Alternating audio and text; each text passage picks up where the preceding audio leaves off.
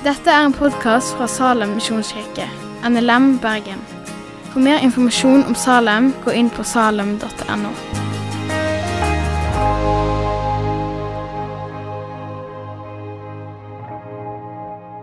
Teksten som vi skal snart lese i dag, den står i Lukasevangeliet. Og det som er skjedd før her, er at Jesus nettopp har valgt ut de tolv disiplene. Og så er det en del av det som kalles slettepreika, som sannsynligvis er det samme som eh, bergpreika, men for sikkerhets skyld, siden ikke vi er helt sikre, så kaller vi det slettepreika. Og det vi også kan se fra teksten, er at dette her er retta mot hans sine disipler, de som følger etter han. Så det betyr at det også er retta mot oss som sitter her i dag. Så har han også snakka tidligere om at den som ønsker å være rettferdig av egne gjerninger, eh, vil få det ganske vanskelig, for å si det rett ut. Hvis en blir sint på en bror uten grunn, så er du skyldig for domstolen. Hvis du ser på ei, ei kvinne og begjærer henne, så er du skyldig. Og hvis du bare kaller en, en person for en dåre, så er du skyldig til helvetes ild. Men så viser han også hva er det som er til behag for Gud hva det betyr å leve et kristent liv. F.eks. at vi skal elske hverandre, men vi skal også elske fiendene våre. Og så legger han vekt på at vi ikke skal gjøre de gode gjerningene for å bli sett av mennesket, for å få ære ifra mennesket. For da gjør vi ikke for Gud lenger, da gjør vi det egentlig for oss sjøl. Og så sier han også før dagens tekst at ikke alle som utgir seg for å være kristne, er kristne. For det står ikke enhver som sier til meg, Herre, Herre, skal komme inn i himmelens rike, men den som gjør min himmelske Fars vilje. Så hvordan skal vi da kunne lære å, å vite hva er det som er Guds vilje, vår himmelske Fars vilje? Og Da skal vi lese dagens tekst, som står i Lukas kapittel 6, vers 36 42. Vær barmhjertige, slik deres far er barmhjertig. Døm ikke, så skal dere ikke bli dømt. Fordøm ikke, så skal dere ikke bli fordømt. Ettergi, så skal dere få ettergitt. Gi, så skal dere få. Et godt mål, sammenristet, stappet og breddfullt, skal dere få i fanget. For i det målet dere selv måler med, skal det også måles opp til dere. Han fortalte dem også en lignelse. Kan vel en blind lede en blind? Vil ikke begge falle i grøfta? En lærling står ikke over sin mester, men når han er utlært, blir han som sin mester. Hvorfor ser du flisen i din brors øye, men bjelken i ditt eget øye legger du ikke merke til? Hvordan kan du si til din bror, 'Bror, la meg ta flisen ut av øyet ditt', når du ikke ser bjelken i ditt eget øye. Din hykler, ta først bjelken ut av ditt eget øye.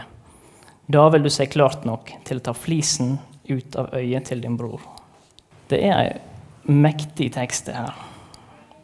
Og den får oss til å tenke over oss sjøl, hvordan vi sjøl er. Og så er den ikke minst relevant i dagens samfunn. Eh, for når en kristen påpeker noe som er galt overfor et menneske eller samfunnet, så får du ofte høre at, at du er dømmende, og, og, at du ikke følger Bibelen sjøl. Du blir kalt kanskje en hykler.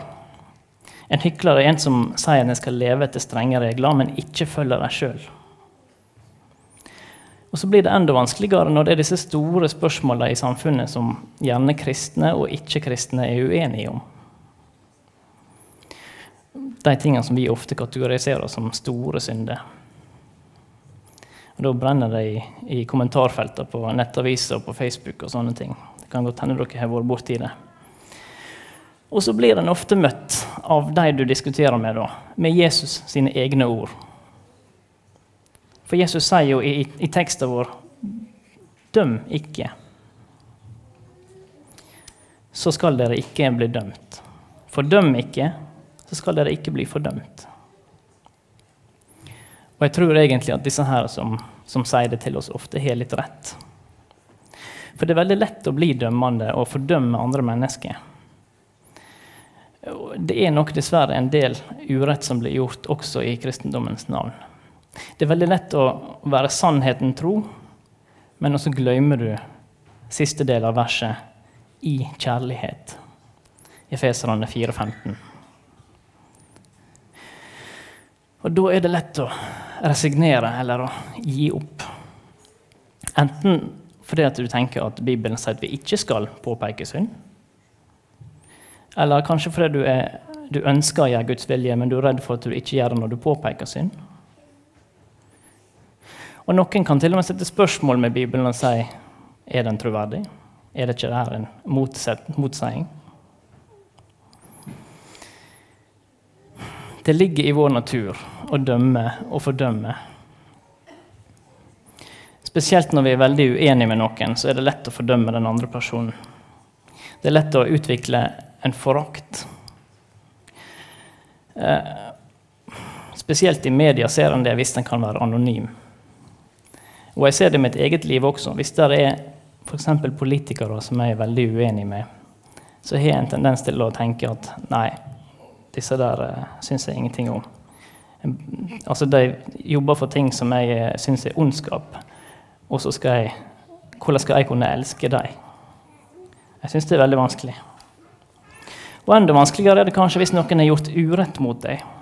For da er det lett å tenke at her er det ikke håp i det hele tatt. En fordømmer. For ordet 'fordømme' betyr jo egentlig å dømme til evig straff etter døden.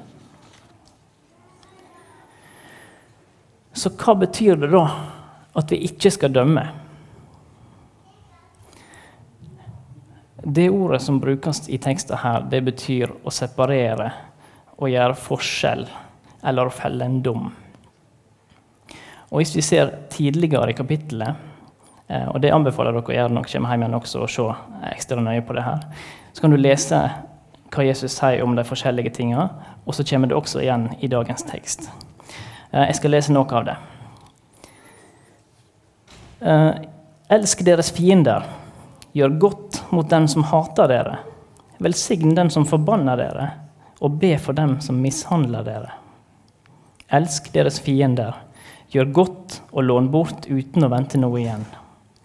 For Gud er god mot de utakknemlige og onde. Og så står det også 'vær barmhjertige, slik deres far er barmhjertig'. Så du ser Ut ifra disse her tekstene her, så sier jo Gud at vi ikke skal separere eller dele opp i to deler. Vi skal ikke gjøre forskjell på folk. Vi skal ikke plassere deg i, i to båser, de du er enig med, og de du er uenig med. Han, han vil faktisk at du skal elske de du kjenner at det koster å elske. Han vil at vi skal gjøre godt mot absolutt alle. Ikke bare våre søstre og brødre i trua. For det, han sier jo det om dere gjør godt mot dem som gjør godt mot dere, er det noe å takke dere for? Det gjør jo også synderne. Så skal vi da ikke sammenligne oss med andre mennesker. Men teksten sier at vi skal sammenligne oss med noen. Og hvem er det? Gud. Han vil at vi skal sammenligne oss med seg sjøl, med Gud. For det står jo 'vær barmhjertige slik Gud er barmhjertig'. Og da, eh, Jeg måtte faktisk slå opp hva betyr barmhjertig, for jeg visste ikke det. For det er ikke så veldig ofte i bruk, i, iallfall ikke min dagligtale. Og det betyr eh, en som føler inderlig lidenhet, og hjelper og skåner uten at denne fortjener og har krav på det. På engelsk så bruker de ordet 'merciful', eller 'full av nåde'.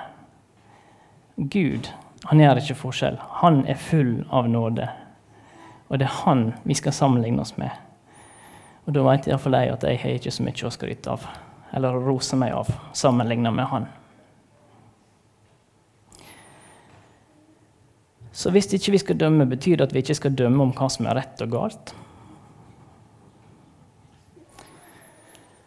I Romerne 12, 12,2 så står det Innrett dere ikke etter den nåværende verden, men la dere forvandle ved at sinnet fornyes, så dere kan dømme om hva som er Guds vilje, det gode, det som er til glede for Gud, det fullkomne. Så skal vi altså dømme da mellom det gode og det som er onde, det som er Guds vilje. Vi skal kunne skille mellom Guds vilje og det som ikke er Guds vilje. Og her er det veldig lett å, å trakke feil. Og det setter også Jesus søkelys på i teksten vår. Han sier Kan vel en blind lede en blind? Vil ikke begge falle i grøfta? Et eksempel på det er fariseerne, og de får ganske godt gjennomgå i, i slettepreika og i bergpreika. De laga menneskebud som skulle hjelpe dem å holde Guds bud. Så det var godt meint i begynnelsen. Men etter hvert så ble menneskebudene viktigere enn Guds bud. Og da ble de blinde ledere som leda andre. Og Jesus sa rett ut til dem dere avskaffer Guds bud for å innføre deres egen overlevering. De fant faktisk måter å tolke eh, ordet på som gjorde at de, kunne, de slapp å holde deler av lova. Og jeg tenker at vi ser kanskje litt sånn i, i uh, Kristen-Norge i dag også. At det er lett å si at ja, det er gammel bok, så det ikke alt gjelder i dag.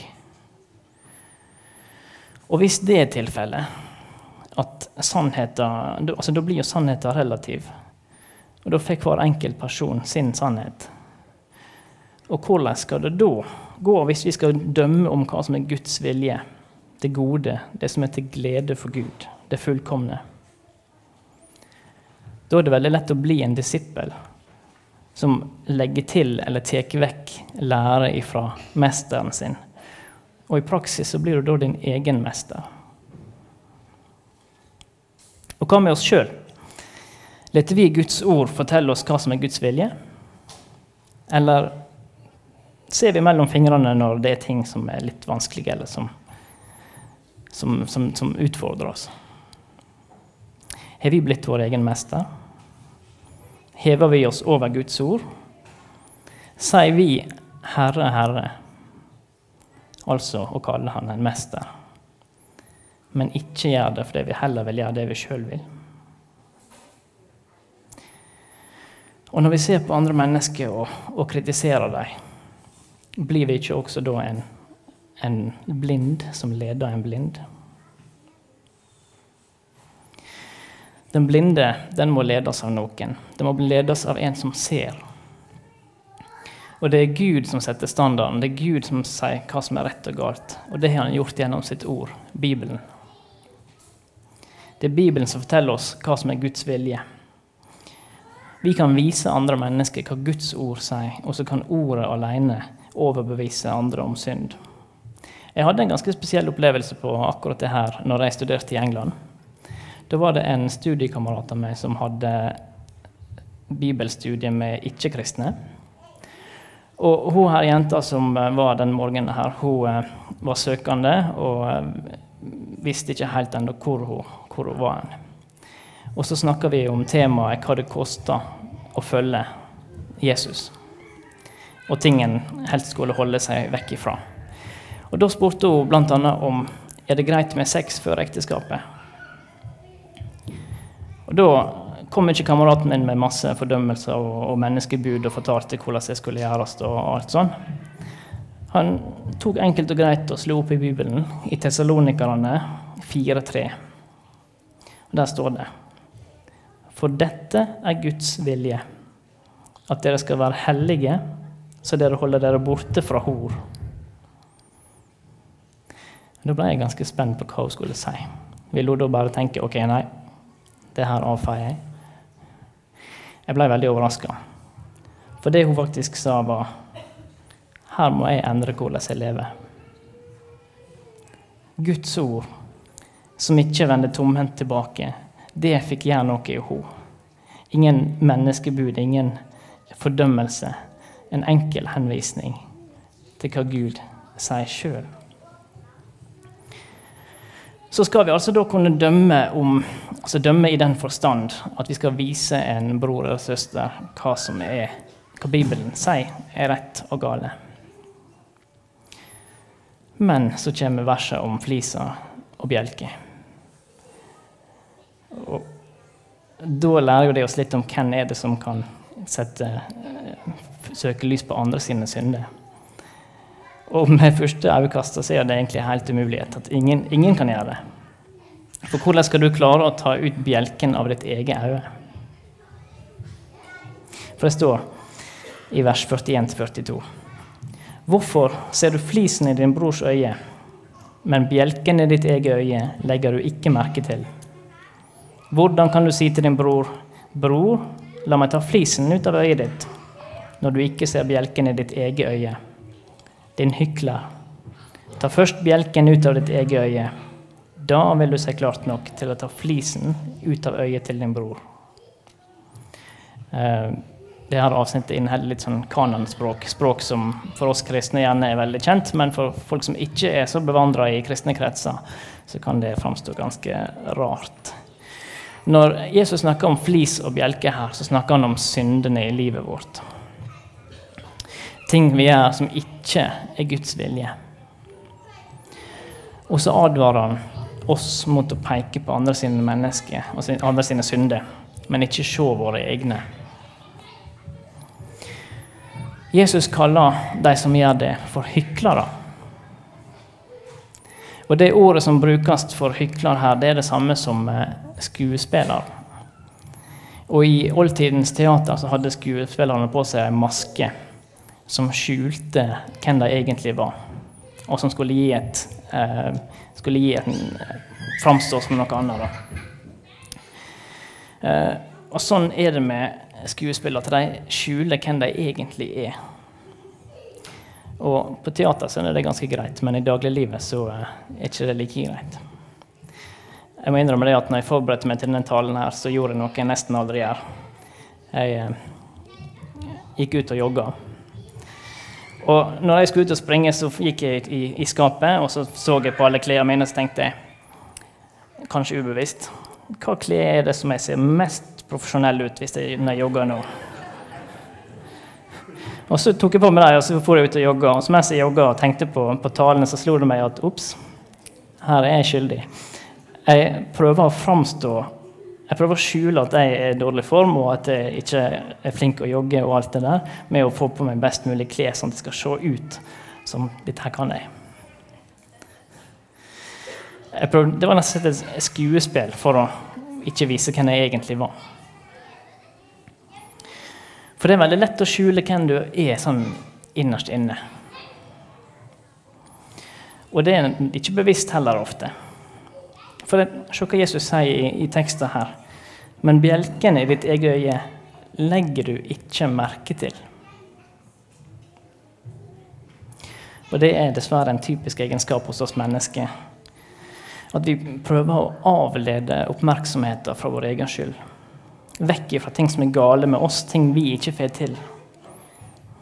For vi vil ikke at andre folk skal se at vi gjør feil, og at vi er svake. Hjertet vårt vil ikke vise, eller vil ikke at andre skal se hva som virkelig bor i det. En form for hykleri det er en dømmende ånd. For det er jo en måte å avlede oppmerksomheten fra oss sjøl med å finne feil med andre. Du ser på andre sine feil og forakter dem for det de gjør. Det er ikke nødvendigvis noe du sier til dem, for det står jo at Hvorfor ser du flisen? Hvorfor ser du på flisen? Det kan ofte bare være i tankene. At du ser og tenker at hm, ja, det der er ikke bra. Det ville ikke jeg ha gjort. Vi prøver rett og slett å, å skjule våre egne feil med å fokusere på andre sine feil. Og en plass det her er ofte er veldig tydelig, det er i ekteskapet. For da lever du veldig tett, blir veldig godt kjent, og du ser den andre sine feil. Men husk på at uh, sånn er det andre veien også. Uh, men det er veldig lett å tenke at uh, jeg er ikke så verst, men jeg ser jo alle ting du gjør. Og når du da påpeker de feilene, så Eller hvis du da ektefellen din påpeker de feilene, så er det lett å gå i forsvarsposisjon og sier liksom, ja, men du er ikke noe bedre sjøl, eller ja, men du sa jo at osv. Du prøver rett og slett å flytte fokuset vekk ifra deg sjøl. Du prøver å avlede oppmerksomheten fra dine egne feil. Du ser flisa i din ektefelle sine øyne. Og En annen måte det her hykleriet blir tydelig på, det er i måten en takler kritikk. Eh, hvis noen andre påpeker dine feil og mangler, så er det, og du ikke takler å motta det, så er det en form for hykleri, det også. For kanskje ønsker du å framstå som en bra person. Og når noen da setter fokus på dine feil, så ødelegger det ditt eget sjølbilde. Og så blir du helt ødelagt eh, av at noen peker på det. Egentlig så høres det ut som to forskjellige personer. De som dømmer for å dømme andre for å avlede, og den som blir helt ødelagt av kritikk. Men begge to driver med image management, altså at du prøver å framstå på en spesiell måte. Den ene med å avlede oppmerksomheten fra seg sjøl når noen påpeker feil og mangler, og den andre med at en får et, sår i, i sjølbildet sitt den som han prøver å framstå, framstå som. Begge to driver med, med, skuespill. Men så snakker ikke Jesus bare om de som er tydelig hykleriske, de som ofte i, i, samfunnet blir sett på som gode mennesker, men når de er alene, så, så driver de med ondskap, vel vitende om at det er det. Det har dessverre vært noen sånne eh, tilfeller i, eller, ja, i aviser og i media i det siste. Nei, han snakker faktisk om et djupere hykleri. For det står men bjelken i ditt eget øye legger du ikke merke til. Vi ser ikke våre egne feil.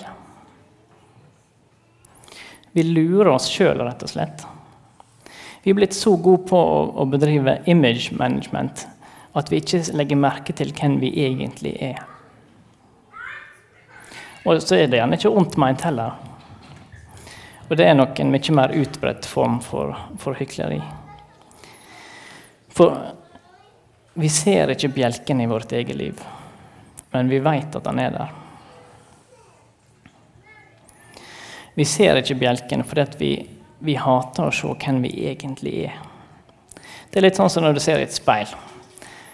Jeg vet ikke hvordan det er med dere, men eh, jeg har iallfall en, en vinkel så jeg bruker å se meg sjøl i speilet, og så trekker jeg inn magen og så tenker jeg, ja, ja, funka det? Men hvis vi hadde hatt et åndelig speil, et speil som faktisk viste oss vår eh, hvordan vi egentlig var, hvordan vi var åndelig sett, som viste oss vår synde. Hadde du likt å se i et sånt speil? Eller hadde du stilt deg i rette vinkelen og dratt inn magen og tenkt at nei, jeg er ikke så gal, jeg. For det, vi mennesker vil ofte ikke se realiteten i egne liv. Vi liker ikke å se hva som bor i hjertet vårt. Og så vet du at denne bjelken er stor. Og Det ordet som brukes her, er ikke en liten sånn planke, for å si det sånn. På engelsk det, bruker de ordet planke, på norsk så er det bjelke. og Da tenkte jeg på en sånn to-fire standard bjelke. Men ordet betyr faktisk en lastbærende bjelke. En som holder huset oppe. Tenk disse gamle lyktestolpene av tre. En sånn type er det.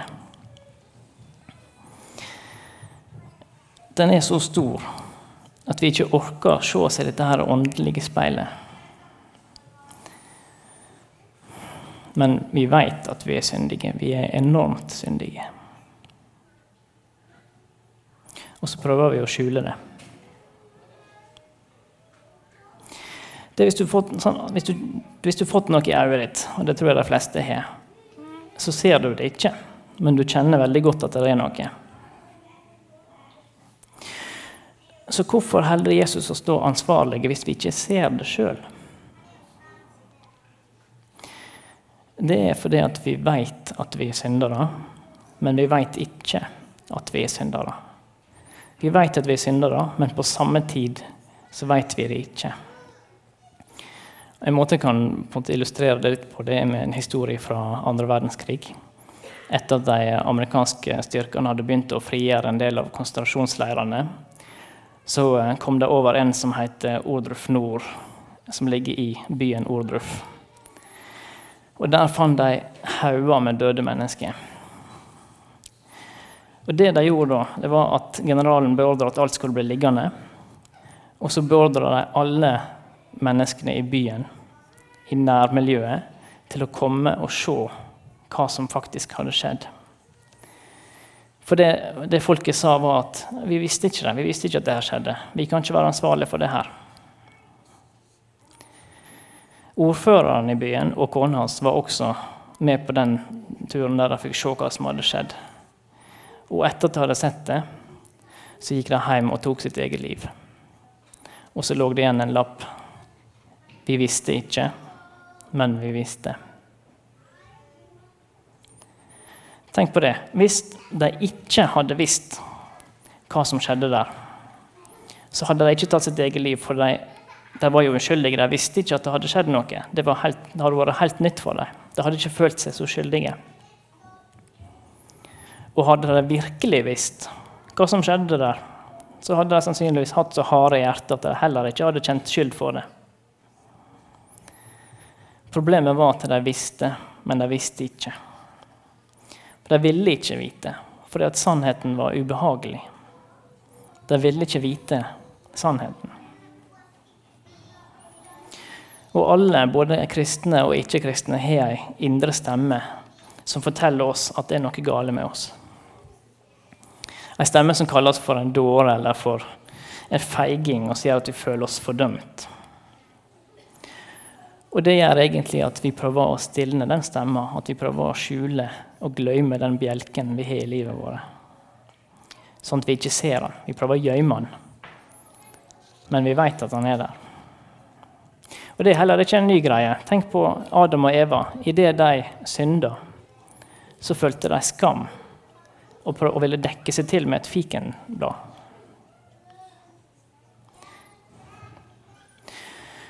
Så både sterkt religiøse mennesker som dømmer andre, og sterkt ikke-religiøse mennesker som forteller at alle må finne sin egen sannhet, prøver å dekke til sitt eget syndige hjerte. Den første med å rakke ned på andre, og den andre med å si at synda i hans liv det er helt greit, for det, det er hans sannhet. Så hva er da løsninga på det? Jesus sier, 'Ta først bjelken ut av ditt eget øye'. Så hvordan? Hvordan kan vi ta bjelken ut av vårt eget øye? Det er viktig å innse at du er en synder som ikke kan redde deg sjøl. Bjelken er ikke bare en liten synd eller en stor ting. Det er en stor synd. Det er ikke sånn at en flis det er hvit løgn og en bjelke det er mord. Bjelken er på en måte summen av alle syndene i, i livet ditt. Og Hvis du har fått ei flis, hvem vil du at skal ta den ut? Vil du at noen som, altså Spesielt hvis det er øyet ditt. Vil du at det skal være noen som aldri har gjort det før?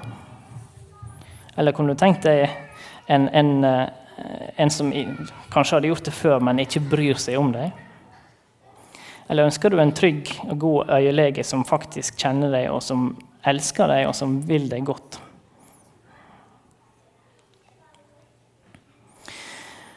Vi må innse at vi ikke kan fikse oss sjøl. Og så må vi slutte å dekke over egne feil, og så innse hvor egoistiske og syndige og sjølsentriske vi er.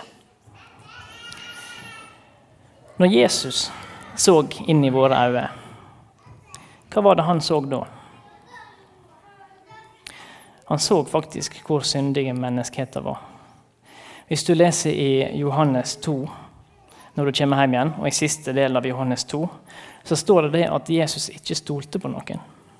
For han visste hva som bodde i mennesket. Han så bjelken i, vår, i, i livet vårt. Denne bjelken som hindrer oss i å se andres synd klart.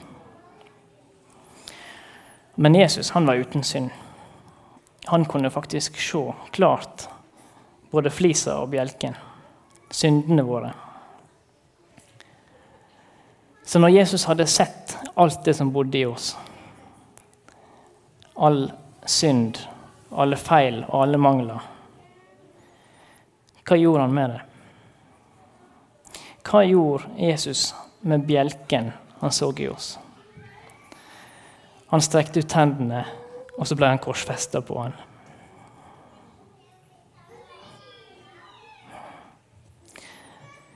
Han ble korsfesta på, på bjelken vår.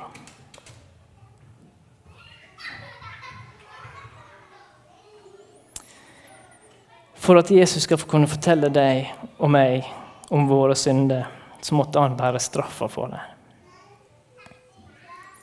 Tror du at Jesus døde for deg? Tror du at du er god nok, ikke pga. det du har gjort, ikke pga. dine egne gjerninger, ikke pga. ditt eget image, men pga. det Jesus har gjort for deg? Tror du at du er god nok pga. Jesus sine gjerninger? For da og bare da kan Jesus komme og fortelle om flisene i livet ditt. Med andre ord, den eneste måten du kan være sterk nok til å ta imot kritikk, sterk nok til å høre sannheten om deg sjøl, hvem du virkelig er, er hvis du veit at han elsker deg med en uendelig, ubetinga kjærlighet. En kjærlighet som er større enn alt, alt du har gjort. At han døde for deg mens dere fortsatt var fiender. At Jesus elsker deg på tross av bjelken han så i øyet ditt.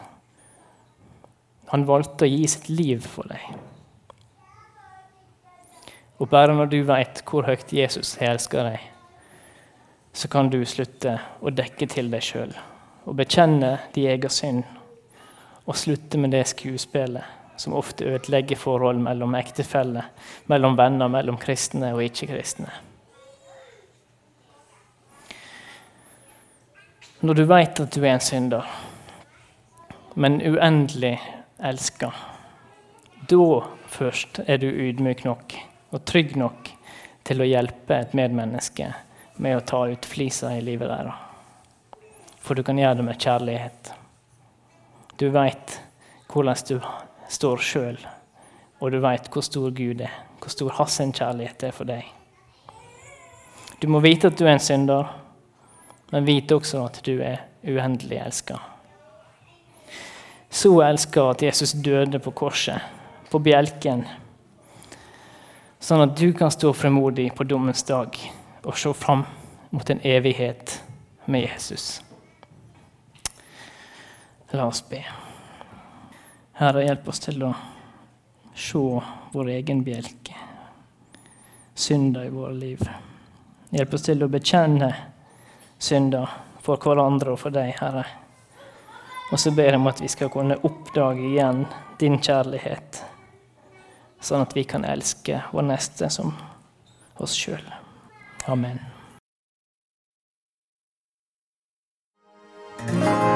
Takk for at du har hørt på podkasten fra Salem, Bergen. I Salem vil vi vinne, bevare, utruste og sende. Til Guds ære. Vi ønsker å se mennesker finne fellesskap, møte Jesus og bli disippelgjort her i Bergen og i resten av verden. Vil du vite mer om oss, gå inn på salem.no.